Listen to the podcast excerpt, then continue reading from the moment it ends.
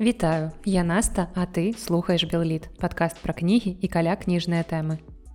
Папярэднім выпуску скончыла дзяліцца з вами найлепшымі кнігамі, якія чытала ў мінулым годзе і зрабіла такі невялічкі перапынак перад тым, як перайсці ўжо ўласна да літаратуры, якую чытаю сёлета. І цяпер я просто буду з вами як заўсёды дзяліцца апошнім прачытаным, расказваць, што мяне ўразіла больш, што мяне ўразіла менш, што мяне ўвогуле абурыла.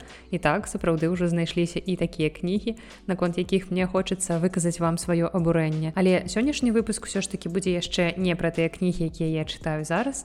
Сённяшні выпуск будзе асаблівы бо само жыццё неяк мне падкідвае тэмы і падкідвае фарматы ў мой падкаст і не ведаю як вас але мяне часам вельмі вельмі вельмі моцна пужаюць дзіўныя супадзенні якія здараюцца ў жыцці папярэдні выпуск майго падкаста выйшаў 29 сакавіка наколькі вы памятаеце. І ў ім я у тым ліку рассказывала пра кнігі якія чытаю ў дадзены момант і адной з гэтых дзвюх кніг былі ўспаміны паэткі ларысы геніюш под назвай споведь На дадзены момант я гэту кнігу ўжо дачытала рыхтуюся вам пра яе расказаць але на той момант я была дзесьці на тым эпізодзе калі геніюш і яе муж атрымалі пакаранне ў выглядзе 25 гадоў лагеру даволі цяжкі драматычны эпізод. І уявіце мой жах калі на наступны пасля выхаду падкасту дзень я бачу навіну пра тое што з зельвы знік помнік паэтцы які стаяў пры мясцовай царкве Я мяркую, што вы ўсе ўжо гэтую навіну бачылі, таму неяк каментаваць яе я не буду, не буду развіваць усе гэтыя тэорыі змовы наконт таго, куды падзеўся гэты помнік, Мачыма яго схавалі наадварот, каб выратаваць яго ад знішчэння і гэтак далей. Я думаю, што вы самі ўсё гэта ў навінах ужо бачылі. Але гэтае здарэнне мяне толькі прыспешвае ў падрыхтоўцы для вас адпаведнага выпуску падкаста пра геніюш цэлага асобнага паўдавартаснага выпуска пра яе жыццё і творчасць. Бо як я ўжо казала ў мінулым выпуску і паўтаруся цяпер цяпер гэта сапраўды тая дзяячка беларускай літаратуры і культуры ўвогуле пра якую варта ведаць. Прычым варта ведаць не толькі як пра паэтку пра таленавітую адораную літаратарку але ў першую чаргу як пра моцную мужную і нязломную жанчыну. Бо ведаеце так даволі часта здараецца вельмі сумна калі ты знаёмішся з творчасцю нейкага аўтара ты ў захапленні ад яго ты у можаш нават назваць яго сваім улюбёным, але потым ты крыху больш даведваешся пра жыццё гэтага аўтара і яго чалавечыя якасці, канешне ж выклікаюць у цябе пэўны сум. Ты не можаш сказаць, што гэта нейкі узор, прыклад для пераймання. Але вось Ларыса генію ж гэта акурат той чалавек, у якім жыццё і творчасць яны не парыўна звязаныя паміж сабой і немагчыма разглядаць творчасць геніюш у адрыве ад уласна асобы Ларысы геніюш. Таму тут все ўсё так узаемашчыльніка ўзаемазвязана, што мне вельмі хочацца запісаць для вас такі вялікі паўнавартасны выпуск подкаста. Ну і ўся гэтая вось гісторыя з шуміхай вакол ларысы геніюш у апошні час яна толькі падкрэслівае тое наколькі гэта значная для беларускай культуры асоба інакш для чаго спрабаваць так актыўна сцерці яе з народнай памяці ты больш што гэта так проста не працуе бо як мы разумеем народная любоў не хаваецца ў помніку а то як бы ну звярніце увагу колькі ў нас помнікаў леніну ў беларусі. І штосьці сёмага лістапада на плошчы незалежнасці ў менску я не назіраю шмат тысячных натоўпаў камуністаў. Хаця, магчыма, для іх это ўжо такое ведаеце сямейнае свята, як вось вялікдзень ці каляды для вернікаў. Продайте мою генерацию, верните ориентацию. Ну як я ўжо сказала ў пачатку сённяшні выпуск будзе асаблівы і раз я ўжо пачала яго з навін то так навінамі і буду працягваць. Я пачынаю такую новую рубрыку якую я не ведаю як прыгожа назваць арыгінальна таму назвала яе банальна літ навіны і ў гэтай рубрыцы я з вами буду дзяліцца апошнімі цікавымі навінамі з жыцця беларускай і сусветнай літаратуры. І пачнём мы з самага гарачага і актуальнага у чым я таксама ўжо сама паспела паўдзельнічаць. Рэч у тым што літаратарка Марыя мартысевич у сваім нстаграме она анансавала што працяг яе падлеткавага рамана гарэзлівы пацалунак ужо макетуюць і гэта значыць што другая частка ўсё ж такі выйдзе на паперы. Адбудзецца гэта толькі праз некалькі месяцаў але калі вы такі ж нецярплівы чалавек як я то вы можете пачаць знаёмства з працягам гэтай захапляльнай падлеткавай гісторыі ўжо ў дадзены момант Але калі вы ўвогуле не ў курсе, што гэта за гарэзлівы пацалунак такі, то я вам хуценька нагадаю. У 2020 годзе ў выдавестве Нушкевіч выйшаў падлеткавы раман Евы Вайтоўскай, заснаваны на сюжэце аднайменнай японскай манхі гарэзлівы пацалунак, якая выходзіла ў 90. І гэта была не скончаная манга, таму што аўтарка заўчасна памерла. І вось імя беларускай так званай адаптацыі гэтай манхі ўжо ў празаічнай форме імя аўтаркі Евы вайтоўскай было беларускаму чытачу невядомае. Але потым аказалася што под гэтым псеўданімам хаваецца наша таленавітая паэтка перакладчыца наша актыўная культурная дзяячка Марыя мартысевич Сюжэт гэтага падлеткавага рамана даволі класічны, даволі банальны для падобнай прозы. У нас ёсць звычайная сталічная школа, у якой ёсць хлопчык, выдатніх прыгажун і спартсмен. І зразумела, што гэта той чалавек, на якога звернута ўвага ўсіх дзяўчатаў гэтай школы. Але будзем талерантнымі Мачыма увага хлопцаў таксама была звернутая на гэтага Масіма статкевіча. Ну і у тым ліку у яго сакаханая дзяўчынка якая вучыцца так сабе асаблівай прыгажосцю таксама не адрозніваецца карацей такая крыху шэрая мышка гэтай школы. Але гэты твор напісаны настолькі дасціпна настолькі захапляльна што ты просто пра другаснасць сюжэту неяк забываеш і чытаеш яго з захапленнем і у тым ліку ты забываеш што існуе нейкая перша крыніца ў выглядзе гэтай японскай манхі я увогуле не ведаю навошта ўся гэтая гісторыя была прыдуманая. Мне здаецца што Марыя мартысевич могла стварыць просто свой нейкі ўласны школьны свет не абапіраючыся на нейкую японскую мангу. Ну і самае галоўнае што ў часе чытання гэтай кнігі ты просто забываеш пра тое колькі табе блин гадкоў і ты шчыра перажываеш за героя 11класнікаў з крыкамі дурныя што ж вы робіце памятаеце як мы ў дзяцінстве абураліся што нас не разумеюць дарослыя. А вось цяпер мы самі сталі гэтымі дарослымі якія крычаць на гэтых уяўных падлеткаў якіх напісала Марыя мартысевич Пра гэты твор я больш падрабязна рассказывала у 11 выпуску майго падкасту і вось калі кніга скончылася з намёкам на працяг зразумела ж я ўключыла рэжым хаціка так званы і стала чакаць гэты працяг у якім абяцалася што героі паступяць ва універсітэт і там будуць працягвацца іхняй гісторыі. Ну і цяпер нарэшце здзейснілася. Марыя дапісала такі другі том прыгод соні сінічкі Масіма статкевіча і вось што яна паведамляе ў сваім нстаграме За 9 гадоў я напісала для вас прыкладна 900 сторонак. Мне было прыемна. Перадаю эстафету прыемнасці. Ну а цяпер я, атрымаўшы гэтую эстафету прыемнасці ад Марыі, перадаю яе вам. Марыя ўжо пачала выкладваць працяг гісторыі на патрыон і там вы можете другую кнігу прачытаць за данат. І калі вы далучыцеся да патрыона ў красавіку, то атрымаеце доступ ажно да траціны кнігі. Я ўжо далучылася да патрыона Марыі, што раю вам таксама зрабіць. Я хутка пачну чытаць працяг гэтай гісторыі і, магчыма, у працэсе мне захочацца з вами чымсьці нават дзяліцца. Спасылку на патрыон Марыі я пакінуў апісанне да выпуску. У Беларусі з'явілася медыя пра сучасную беларускую літаратуру. І вядома ж, мне хацелася паведамляць вам гэтую навіну такім ведаеце будзённым тонам, дадаючы перад словам медыа эпітэт чарговая медыа, толькі рэальнасць, на жаль, такая, што падобных праектаў у нас у Беларусі сапраўды вельмі мала і мне здаецца, што іх становіцца ўсё менш. Таму з'яўленне кожнага гэта не проста падзея, гэта сапраўды цэлае літаратурнае свята. Новая медыя пра беларускую літаратуру атрымала назву літрадыё і ў іх ёсць соцсеткі і сайт і там на сайце якраз і публікуюцца ўсе друкаваныя матэрыялы, а таксама, што вельмі важна для мяне для падкастера, тое, што ў іх ёсць падкаст. І самі стваральнікі праекта ў раздзеле пра нас пішуць наступнае. Томы, нефарматныя аўтары, мабільныя эксперты ды санітары лёсу, партызаны друкаванага слова. Што гэта? Трыбуна жывога літпрацэсу, разлікі па гамбургскім рахунку ў прамым эфіры, пляцоўка для згоды ды нязгоды. Што будзе? Тэксты, анталогія новых здабыткаў айчынных прозы і паэзій, каштуй свяжак, лаві адценні смаку ды вымярэнні сэнсаў, крытыка, тэксты пра тэксты, разборы ды наезды.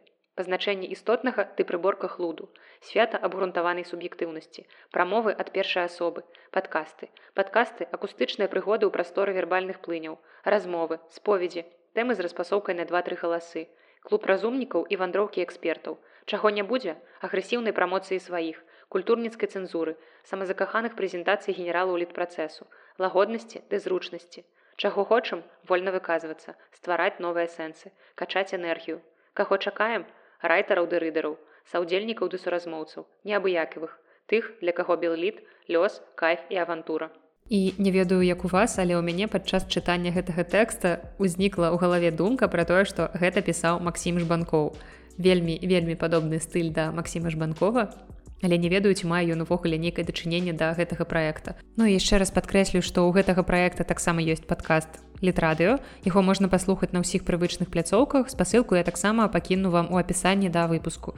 І вельмі спадзяюся што новая медыя будзе актыўна развівацца.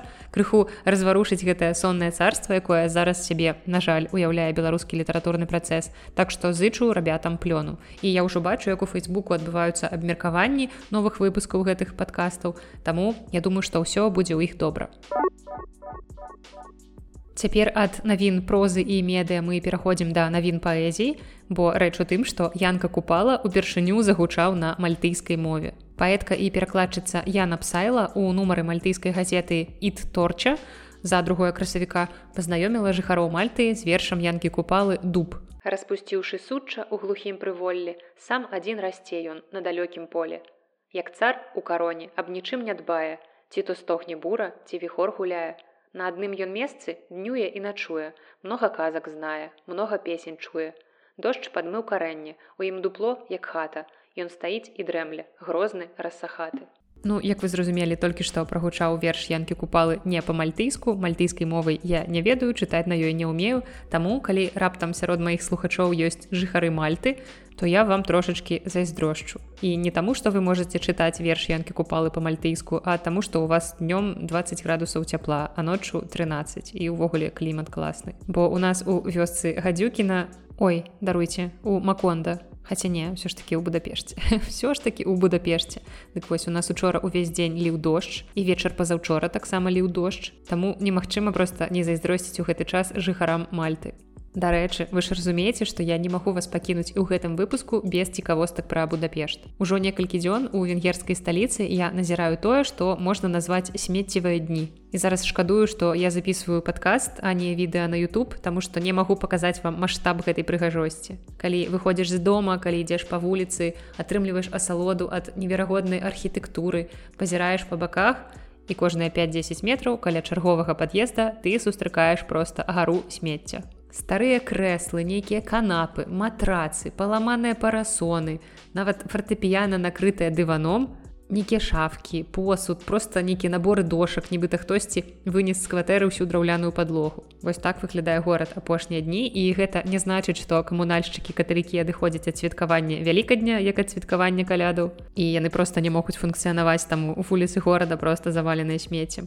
Не насамрэч у будапешце ёсць адзін дзень на год калі ты можаш вынесці на вуліцу сваё буйнагабарытнае смецце а камунальныя службы яго бясплатна вывезуць. І цікава што гэта ўсё адбываецца на працягу некалькіх дзён Diskussion і для звычайных мінакоў для вось такіх як я гэта становіцца цэлым відовішчам. Бо зразумела на ўсё тое што хтосьці назаве халам'ём напрыклад я знойдуцца паляўнічыя. Бо штосьці з гэтага можна прадаць штосьці можна здаць накшталт макулатуры ці нейкіх металу а штосьці можна ўвогуле адрэстаўрыраваць і даць гэтай рэчы новае жыццё. Бо часта сярод такога смецця можна сапраўды сустрэць нейкія каштоўныя антыкварныя рэчы якія збірала напрыклад мясцовая бабулька потым яна памерла а дзецям унукам гэтыя рэчы увогуле без патрэбы. І каштоўнасці гэтых рэчаў яны не разумеюць таму просто выносіць гэта на вуліцу разам з астатнімі мэтлахамі. Так што ў гэтыя дні горад напоўнены не толькі смеццем але яшчэ і маргіналамі розных відаў. Ад звычайных валацух што спяць тут под пледамі ў самых нечаканых месцах да цэлых цыганскіх сем'яў і апошнія ладзіць на смецці ўвогуле сапраўднае паляванне яны збіраюцца вялікімі групамі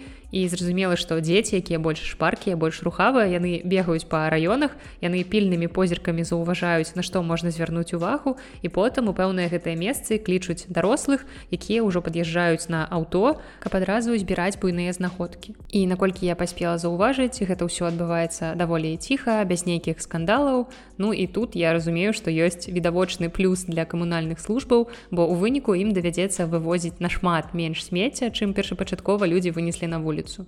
Тут добра спрацоўвае першасная перапрацоўка ў выглядзе мясцовых маргіналаў і аматараў старызны. І ўсе задаволеныя, і я буду далей назіраць, як доўга ўвогуле працягнецца гэтая акцыя.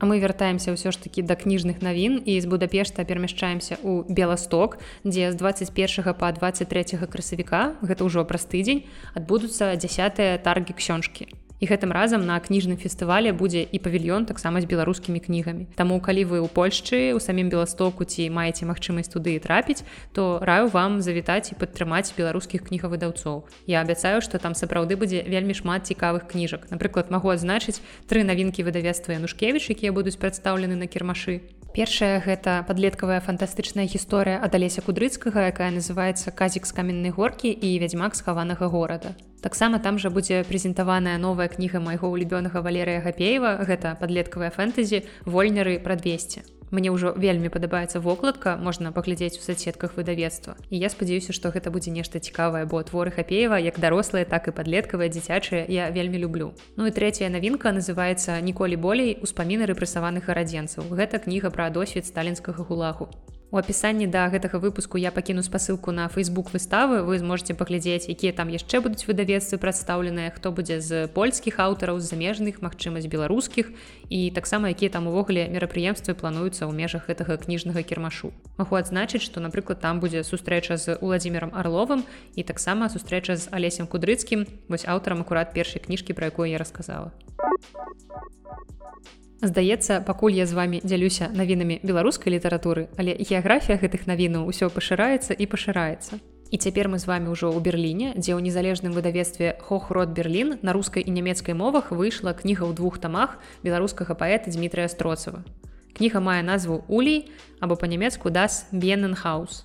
І дарэчы, сёлета сам Дмітрый адкрыў у Берліне філію выдавецтва Хохрод, якая атрымала назву Хохрод Мінск, вельмі лагічна.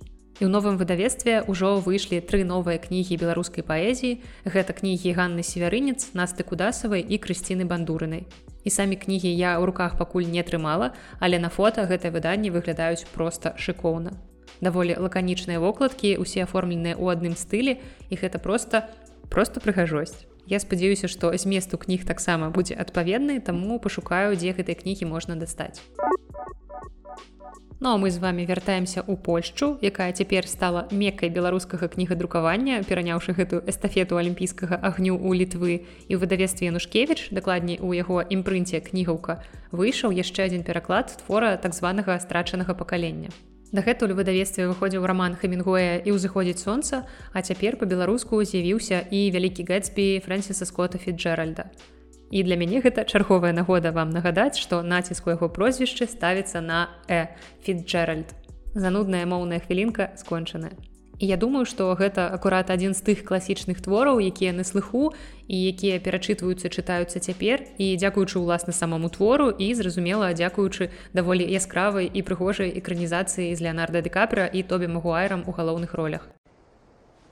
Can't repeat the past can't repeat the past.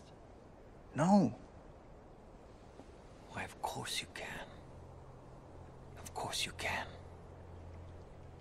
Так што гісторыю маладога мільянера Джея Гэтпі я вам пераказваць не буду. Я думаю, многія з вас ведаюць сюжэт гэтага твора, толькі дадам, што з англійскай мовы твор пераклаў Сергей Матырка. І думаю, вы здагадваецеся, што гэта значыць для майго падкаста. Гэта значыць, што хутка сярожа прыйдзе ў госці ў падкаст Белліт, каб расказаць пра сваю працу над гэтым перакладам. І мы пагаворым з ім пра перакладчыцкую дзейнасць увогуле бо магу трошки пахваліцца што цяпер мне таксама ёсць што сказаць на гэты конт. Пакуль не буду раскрываць усе карты Мачыма якраз у тым самым выпуску з сярожам вы пра гэта даведаецеся. Ну а кніга вялікі гэтсбі ўжо з'явілася ў продажы на польскім алегра можна заказаць дастаўкай па Еўропе. Таксама даступная аўдыаверсія кнігі ўсё гэта я скіну апісанне да выпуску Ну і я ўжо адчуваю, як засумавалі жыхары Беларусі, бо зразумела, што апошнія гады літаратурнае жыццё Беларусі нібыта адбываецца па-за межамі ўласна Беларусі. можа скласціся такое ўражанне. Дык вось не сумуйце, кнігу таксама можна будзе купіць у Беларусі, яна даступная на сайце кнігербай. Усе спасылкі, як заўсёды ў апісанні да выпуску. Ну і апошняя навіна з беларускіх літаратурных палёў пад назвай падаецца мы сталі забываць, што ёсць такі пісьменнік Віктор Марцінович. І сапраўды у Марціновича новыя кнігі не выходзяць, старыя кнігі Марціновича не забараняюць. Інфанагодаў пагаварыць пра творчасць найлепшага беларускага пісьменніка, вядома ж па версіі самога найлепшага беларускага пісьменніка у нас няма. Ну і на гэтай хвалі цішыні ўсё ж такі з'явілася пэўная радасная навіна, што яго кнігу рэвалюцыя ўсё ж такі не забаранілі. І калі вы не ў курсе сітуацыі, то нагадаю, што 4 студзеня 2021 года у выдавецтве кнігазбор, дзе выходзілі, здаецца, усе раманы Марціновича, магу памыляцца, дык вось у іх адбыўся ператрус. І ў гэтым жа выдавецтве выйшаў і апошні на сённяшні дзень раман Віктора Марціновича рэвалюцыя. Кніга з такой вельмі гучнай правакатыўнай назвай была выдадзеная на хвалі падзей 2020 года. Толькі вось бяда ў тым, што расказвала гэтая кніга зусім не пра тое, пра што магчыма хацелася б у той час пачытаць беларускім чытачам. Новы раман Марціновича расказваў пра браткоў з 90-х у скураных куртках на чорных джипах і адчуваеце, чым пахне пахне нейкай нтвшнасцю сапраўды гэтая кніга вельмі нагадвае просто тыповы баевічок з канала нтв непрададзеныя рэшткі накладу кнігі 558 ажно асобнікаў былі канфіскаваныя падчас ператрусу. А што ў кнізе такога беларускага і рэвалюцыйнага што імі так зацікавіліся спытаеце вы? А хрэн яго ведае адкажу я. Вось і супрацоўнікі ўправлення па барацьбе з арганізаванай злачыннасцю нічога ў творы не знайшлі І ў выніку на днях Геннад Вінярскі, дырэктар выдавецтва кнігаспор, паведаміў у сваім фейсбуку, што прыкметы экстрэмізму ў рамане не знайшлі, а таму кнігу ўвесь гэты наклад яму вярнулі. І цяпер гэтай кнігі зноў можна купіць у кнігарнях. Зразумела, не ва ўсіх. У дзяржаўных кнігарнях асабліва вы не купіце зараз нічога нармальнага беларускага. Але ўся гэтая гісторыя, вся гэтая шуміха толькі падагрэла цікавасць да кнігі, якую я магу назваць даволі пасрэднай. Прычым як увогуле для літаратуры, так і агулам для творчасці ўласна Марціновича. Але мяркую, што наклад кнігі доўга на паліцах кнігарняў не затрымаецца і спасылка на пакупку кнігі, як заўсёды будзе ў апісанні да выпуску. Але я не тое, каб моцна раю вам увогуле гэты твор чытаць нават такі жарт прыдумаўся што супрацоўнікі губазіку не знайшлі ў рамане рэвалюцыя прыкмет экстрэмізму а таксама мастацкай значнасці Ну а цяпер звернемся да літаратурнага жыцця ў свеце бо там як не дзіўна таксама адбываецца мноства цікавага. І хто б увогуле мог падумаць але аказваецца што ёсць штосьці цікавей за пошук у кнігах прыкмет экстрэмізму нейрасеткі працягваюць захапляць і пужаць адначасова і захапляць зразумела сваімі магчымасцямі ну і пужаць як бы зразумела таксама сваімі магчымасцямі.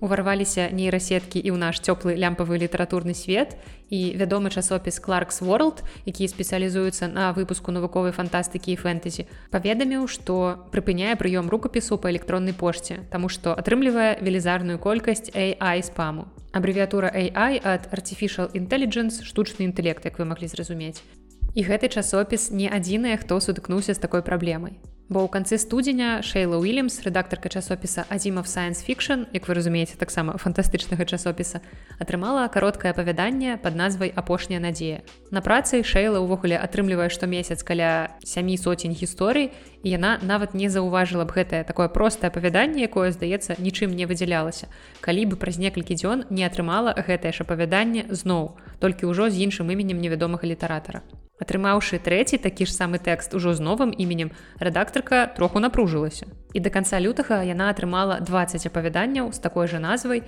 усе ад людзей з рознымі імёнамі і з розных імейлаў. І хутчэй за ўсё гэтыя тэксты былі згенераваныя з выкарыстаннем нейрасетак. І зразумела, што сутыкнуўшыся з падобнай праблемай, многія рэдактары адразу разумелі, што перад імі плён творчасці ўсё ж такі штучнага інтэлекту, а не натуральнага. Бо ўсё ж такі пакуль нейрасеткі, на жаль, ці на шчасце, думаю, што для многіх все ж такі на шчасце, не здольныя стаць новым бальзакам ці новым драйзерам і вядома што ніхто не назаве пакуль што твор напісаны нейрасеткай шэдэўрам Але ёсць такая праблемка ў тым, што змены ў інфармацыйнай сферы ў наш вельмі тэхналагічна развіты час адбываюцца досыць хутка. А штучны інтэлект усё ж такі мае здольнасць вучыцца і цалкам верагодна, што ў недалёкай будучыні рэальнасцю стануць куды больш па-майстэрску выкананыя творы без відавочных ляпаў. Але ж мы з вами ўсё ж будзем верыць у лепшае, што яшчэ доўгі час нейрасеткі не стануць для нас паўнавартаснай заменай сапраўдных пісьменнікаў. І давайте калі пад выпускам гэтага подкаста на Ютубе будзе 100 лайкаў, то наступны выпуск будзе цалкам напісаны нейрасеткай. Прымусім чат GPT папрацаваць на карысць беларускай літаратуры. 12 жніўня 2022 года на брытанска-амерыканскага пісьменніка індыйскага паходжання Салмана Руждзі напалі з ножом перад лекцыяй у нью-йорку. Гэтая навіна была даволі гучная, таму што жыццё пісьменніка і без гэтага нельга было назваць такім ужо бяспечным. І гэта ўсё звязанае паміж сабой падзеі. Рэч у тым, што ў 1988 годзе Рушці апублікаваў свой чацвёрты раман пад назвай сатанінскія вершы. Раман быў даволі цёпла прыняты крытыкай, але разам з тым ён выклікаў спрэчкі. І зразумела, як бы з такой назвай сатанінскія вершы, чаго яшчэ ён чакаў.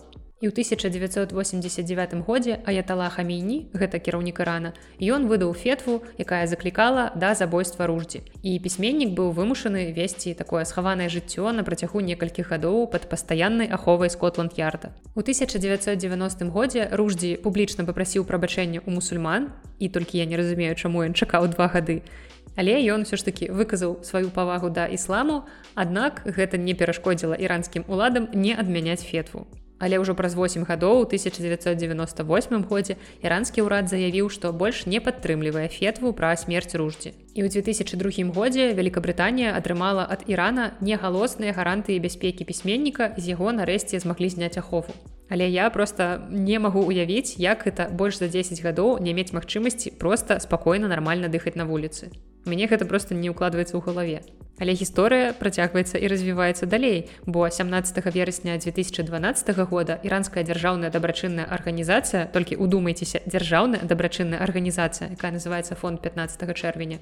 Яна павялічыла ўзнагароду за забойства руждзі да трох цэлых трох десятых мільёна даляраў. А ў 2016 годзе ўзнагарода за забойства пісьменніка дасягнула 4 мільёнаў. Вы толькі уявіце сабе, што гэта за краіна, у якой дзяржаўная дабрачынная арганізацыя увогуле павялічвае ўзнагароду за забойства пісьменніка. У гэтым моманце здаровы сэнс просто сыходзіць з чату з гэтай планеты, спыняе яе і я не ведаю, як такое можа адбывацца ў наш цывілізаваны час. Але апошнія гады руждзі падарожнічаў ужо без аховы і як бы вось да чаго гэта прывяло ў жніўні мінулага года.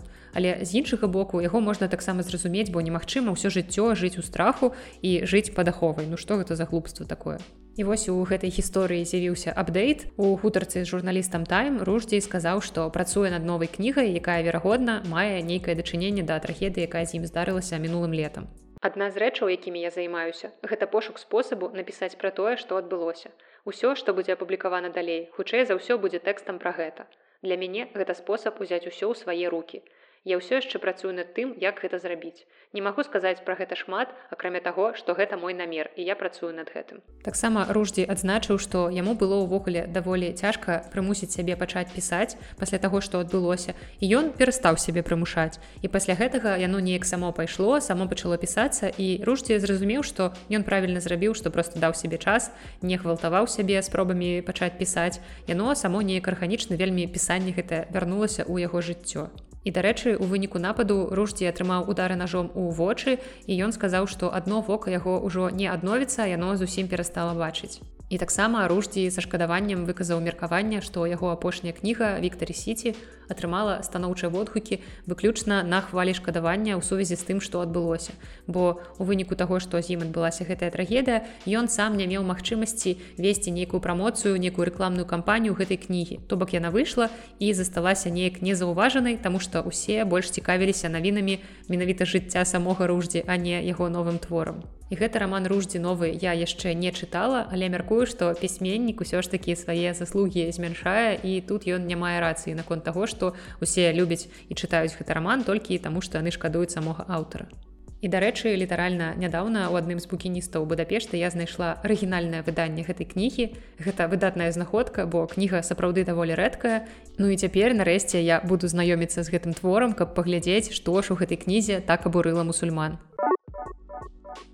Раман Маргарет Мітчел Гон Візавінт цяпер выдаецца з папярэджаннем. Апошняе выданне гэтай эпапеі прысвечанай грамадзянскай вайне, якое апублікавала выдавецтва пан Макмілан у Великабрытаніі, змяшчае на першай старонцы такое папярэджанне. Раман Гон Візавінт змяшчае праблемныя элементы, уключаючы рамантызацыю шакуючай эпохі ў нашай гісторыі і жахі рабства. У рамане прадстаўлены непрымальныя практыкі, расійскія стэеатыпныя выявы і тэмы, характарыстыка, мова і вобразы, якія выклікаюць занепакоенасць. Тэкст гэтай кнігі ва ўсім адпавядае арыгіналу і адлюстроўваю мову і перыяд, у які ён быў першапачаткова напісаны. Мы хочам папярэдзіць чытачоў, што ў тэксце могуць сустракацца крыўдныя ці сапраўды шкодныя фразы і тэрміны, якія былі распаўсюджаны ў той час, калі быў напісаны гэты раман, і якія адпавядаюць кантэксту гістарычнага асяроддзя гэтага рамана. Выдавецтва пан Макмілан лічыць, што змена тэксту адпаведнасці з сучаснасцю падарвала б сапраўднасць арыгінала, таму яно вырашыла пакінуць тэкст у поўным аб'ёме. Аднак гэта не азначае ухвалы характару зместу ці выкарыстанай мовы. І далей у кнізе змешчана эсэ пісьменніцы філіпы Грэгары, у якім абмяркоўваецца абарона расізму і ўсхваленне перавагі белых у рамане. І такі падыход з'яўляецца цікавай альтэрнатывай нядаўняй серыі гучных пераглядаў тэкстаў класічных твораў літаратуры, у якіх выдаўцы і праваўладальнікі прыбралі або ўвогуле змянілі патэнцыйна абразлівыя выразы. І гэта таксама пераклікаецца з многімі спрэчкамі вакол таксама вельмі расійскай экранізацыі кнігі, увогуле самага касавага фільма ўсіх часоў з улікам інфляцыі, і рашэннем прынятым HBO Max у 2020 годзе выдаліць фільм са свайго каталога да таго часу пакуль ён не будзе вернуты з абмеркаваннем яго гістарычнага кантэксту. Я не ведаю ці можна назваць усё тое што адбываецца зараз з гэтым так званым пераглядам твораў класікі ці можна назваць гэта цэнзурай ці дурасцю ці чым не ведаю духам часу як гэта ўсё ўвогуле апісаць і акрэсліць бо часам гэта сапраўды пераходзяць усе нейкія разумныя межы Так былі такія часы, такія эпохі, такія перыяды ў гісторыі пэўных дзяржаў і ў тыя часы пісаліся такія творы. Ну і што, як бы цяпер нам гэтыя творы выкрэсліваць увогуле з гісторыі літаратуры ці як нам паступаць.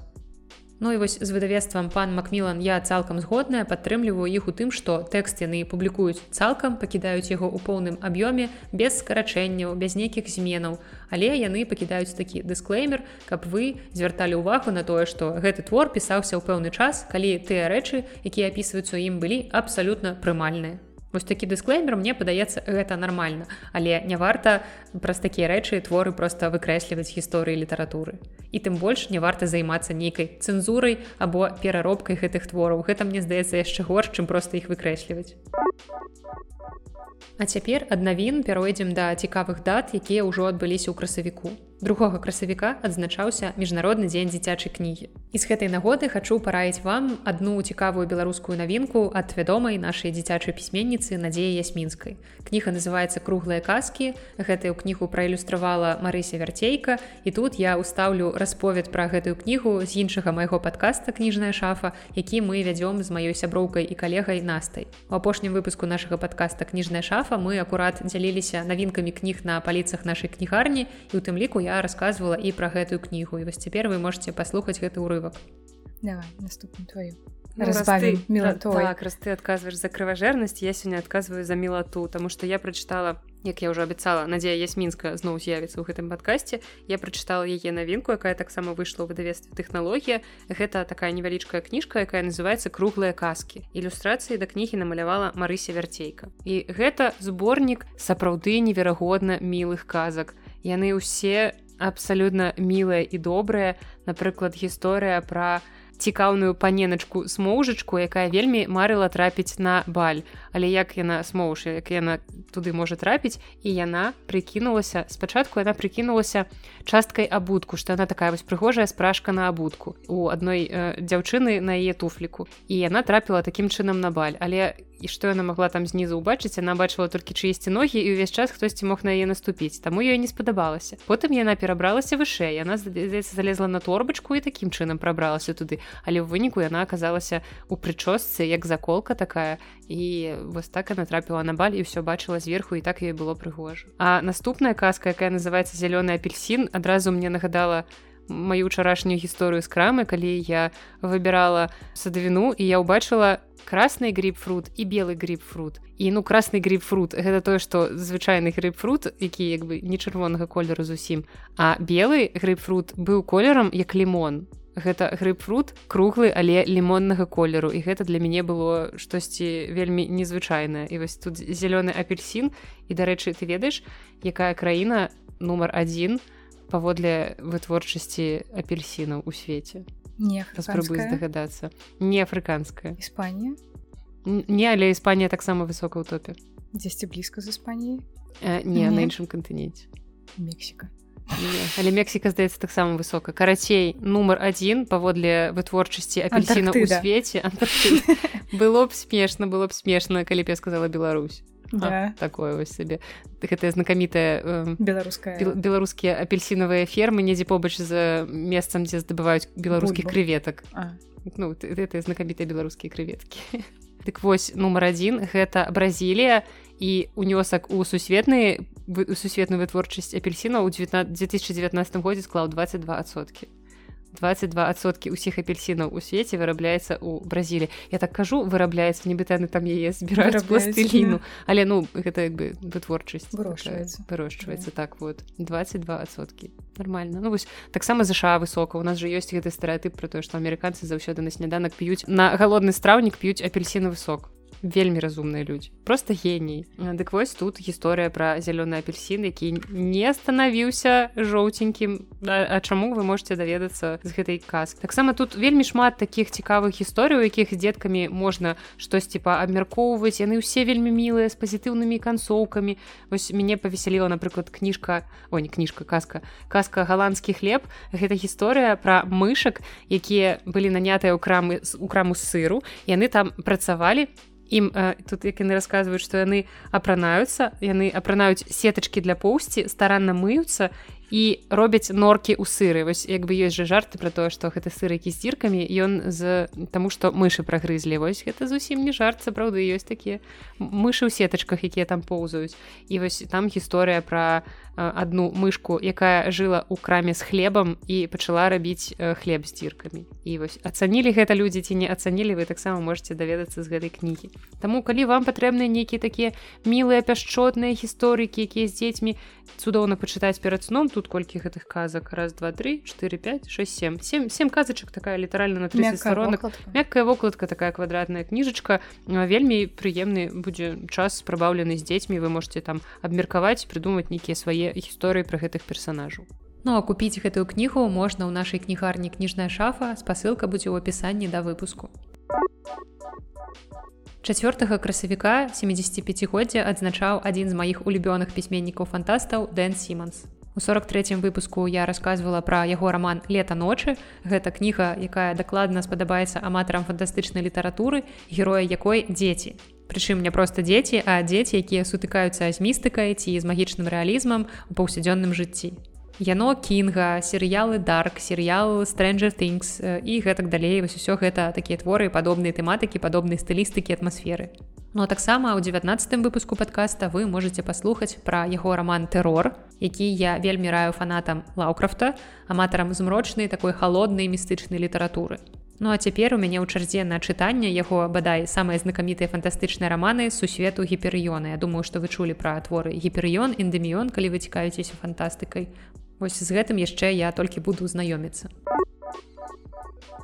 80 гадоў таму 6 красавіка 1943 года у нью-йорку быў апублікаваны маленькі прынц антуана де сент-экзюперы з таго часу твор быў перакладзены больш чым на 250 моў выдадзены мільёнамі экземпляраў і варта адзначыць што адзін з самых знакамітых твораў сусветнай літаратуры ёсць таксама і на беларускай мове У 1989 годзе ўпершыню выйшаў беларускі пераклад маленькага прынца, які быў зроблены паэткай нінай мацяж.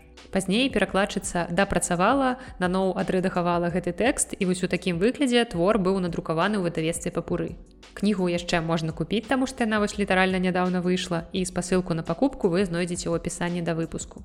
Я не адношуся да гарачых паламяных фанатаў гэтага твора, але зараз падзялюся з вамі некалькімі цікавымі фактамі пра гэтую кнігу. Напрыклад, як вы думаеце, які твор сусветнай літаратуры стаў для экзюперы натхненнем для напісання маленькага прынца. Ёсць увогуле пэўныя гісторыі, спрэчкі, легенды, міфы, якія лётаюць вакол гэтага твора наконт яго сапраўднага паходжання, але ёсць такая версія, што сент-экзюперы быў натхнёны казкай ганса хрысціяна Андерсона русалачка. Рэч у тым, што ў пачатку сороквых гадоў ён знаходзіўся ў шпіталі, дзе аднаўляўся пасля атрыманых траўмаў. І ў якасці нейкай такой забаўкі яго сяброўка Анабелла неяк вырашыла пачытаць яму казку, якраз русалачку, якая і, можна сказаць, стала такім штуршком да напісання сэнтам-экзюперы ўласнай гісторыі. А магчымым правобразам ружы з твора маленькі прынц стала жонка сэнт-экзюперы кансуэла.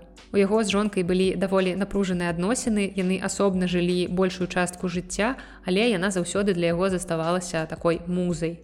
І так жа як сэнт-экзюперы заўсёды захоўваў кансуэла ў сваім сэрцы, то маленькі прынц такжа ахоўвае сваю ружу, ён яе палівае, абараняе ад стахіі. І хаця прынц сустракае іншыя ружы, а ў выпадку сэнт-экзюперы гэта былі іншыя жанчыны, але на сваім шляху ўсё ж такі ён памятае пра тое, што ружа унікальная і ліс яму пра гэта нагадвае што вось тая самая ягоная ружа яна для яго самая важная Ну і тэорыя, што ўсё ж такі жонка натхніла яго на стварэнне такога вобраза, знаходзіць сваё пацверджанне ў тым факце, што загаловак аўтабіяграфіі кансуэла ўспаміны ружы. Усё мне здаецца відавочна. Калі вы трымалі ў руках хаця б адно выданне маленькага прынца, то маглі бачыць, што амаль заўсёды на вокладцы напісана ілюстрацыі самога аўтара. Рэч у тым, што так сапраўды сэнтэкзюперы сам акварэллю намаляваў усе ілюстрацыі да кнігі. Ён сябе мастаком не лічыў, але ён часам захапляўся маляваннем і заўсёды рабіў нейкія замалёўкі маленькіх чалавечкаў на кавалачках паперы. Ну і калі вы вельмі уважлівы чытач і таксама уважліва разглядалі малюнкі да гэтага твора, то вы можете памятаць, што у кнізе няма ніводнай ілюстрацыі з галоўным апавядальнікам лётчыкам. Там сапраўды няма ніводнай ілюстрацыі з ім, але ў 2014 годзе у бібліятэцы музеі моргана ў нью-йорку прайшла выстава і там якраз былі выстаўленыя многія неапублікаваныя раней малюнкі сэнтэксюперы якраз там была выява гэтага апавядальніка, які спаў побач са сваім самалётам. А знакаміты амерыканскі акцёр і кінарэжысёр Орсон Уэллс нават хацеў зняць фільм паводле гэтай кнігі з удзелам Уолта Дыснея. Уэлс быў неверагодна захоплены гэтай кнігай. Ён прачытаў яе і на наступны дзень пасля прачытання ён набыў правы на адаптацыю гэтай кнігі. І ён вельмі хацеў папрацаваць з уолтам дыснеем і таксама прасіў дысныя заняцца спецэфектамі але яны не змаглі знайсці паміж сабой агульную мову. І нават хадзілі чуткі што з перамоваў уолт дысней вылецеў са словамі тут няма месца для двух геніяў ну а арыгінальны сцэнарый уэлса быў выстаўлены ў музеі моргана А сам пісьменнік так і не ўбачыў сваю кнігу апублікаванай на радзіме ў Францыі. Бо як я ўжо сказала ў пачатку, першая публікацыя маленькага прынца адбылася ў 43 годзе ў нью-йорку. Кніга выйшла на англійскай і французскай мове. Ну а ў сувязі з палітычным разнагалоссем творы сэнтэкзюперы былі недаступныя пры рэжыме вішы ў Францыі. І таму кніга з'явілася на радзіме пісьменніка толькі пасля вызвалення Францыі. Ну а не стала пісьменніка ўжо ў 44 годзе наступным годзе пасля выдання маленькага прынца. І смерць яго была настолькі ж дзіўная, як і яго жыццё. У 1944 годзе падчас разведвальнай аперацыі самалёт Сэнтэкзюперы знік. Ці яго збілі, ці ён разбіўся. Гэта ўсё невядома. Цела пісьменніка так і не знайшлі. Толькі ў 1998 годзе з'явілася пэўная зачэпка адносна лёсу пісьменніка, калі недалёка ад марселя на ўзбярэжжы знайшлі яго срэбны ідэнтыфікацыйны бранзалет. Ну а абломкі яго самалёта знайшлі толькі ў 2000 годзе.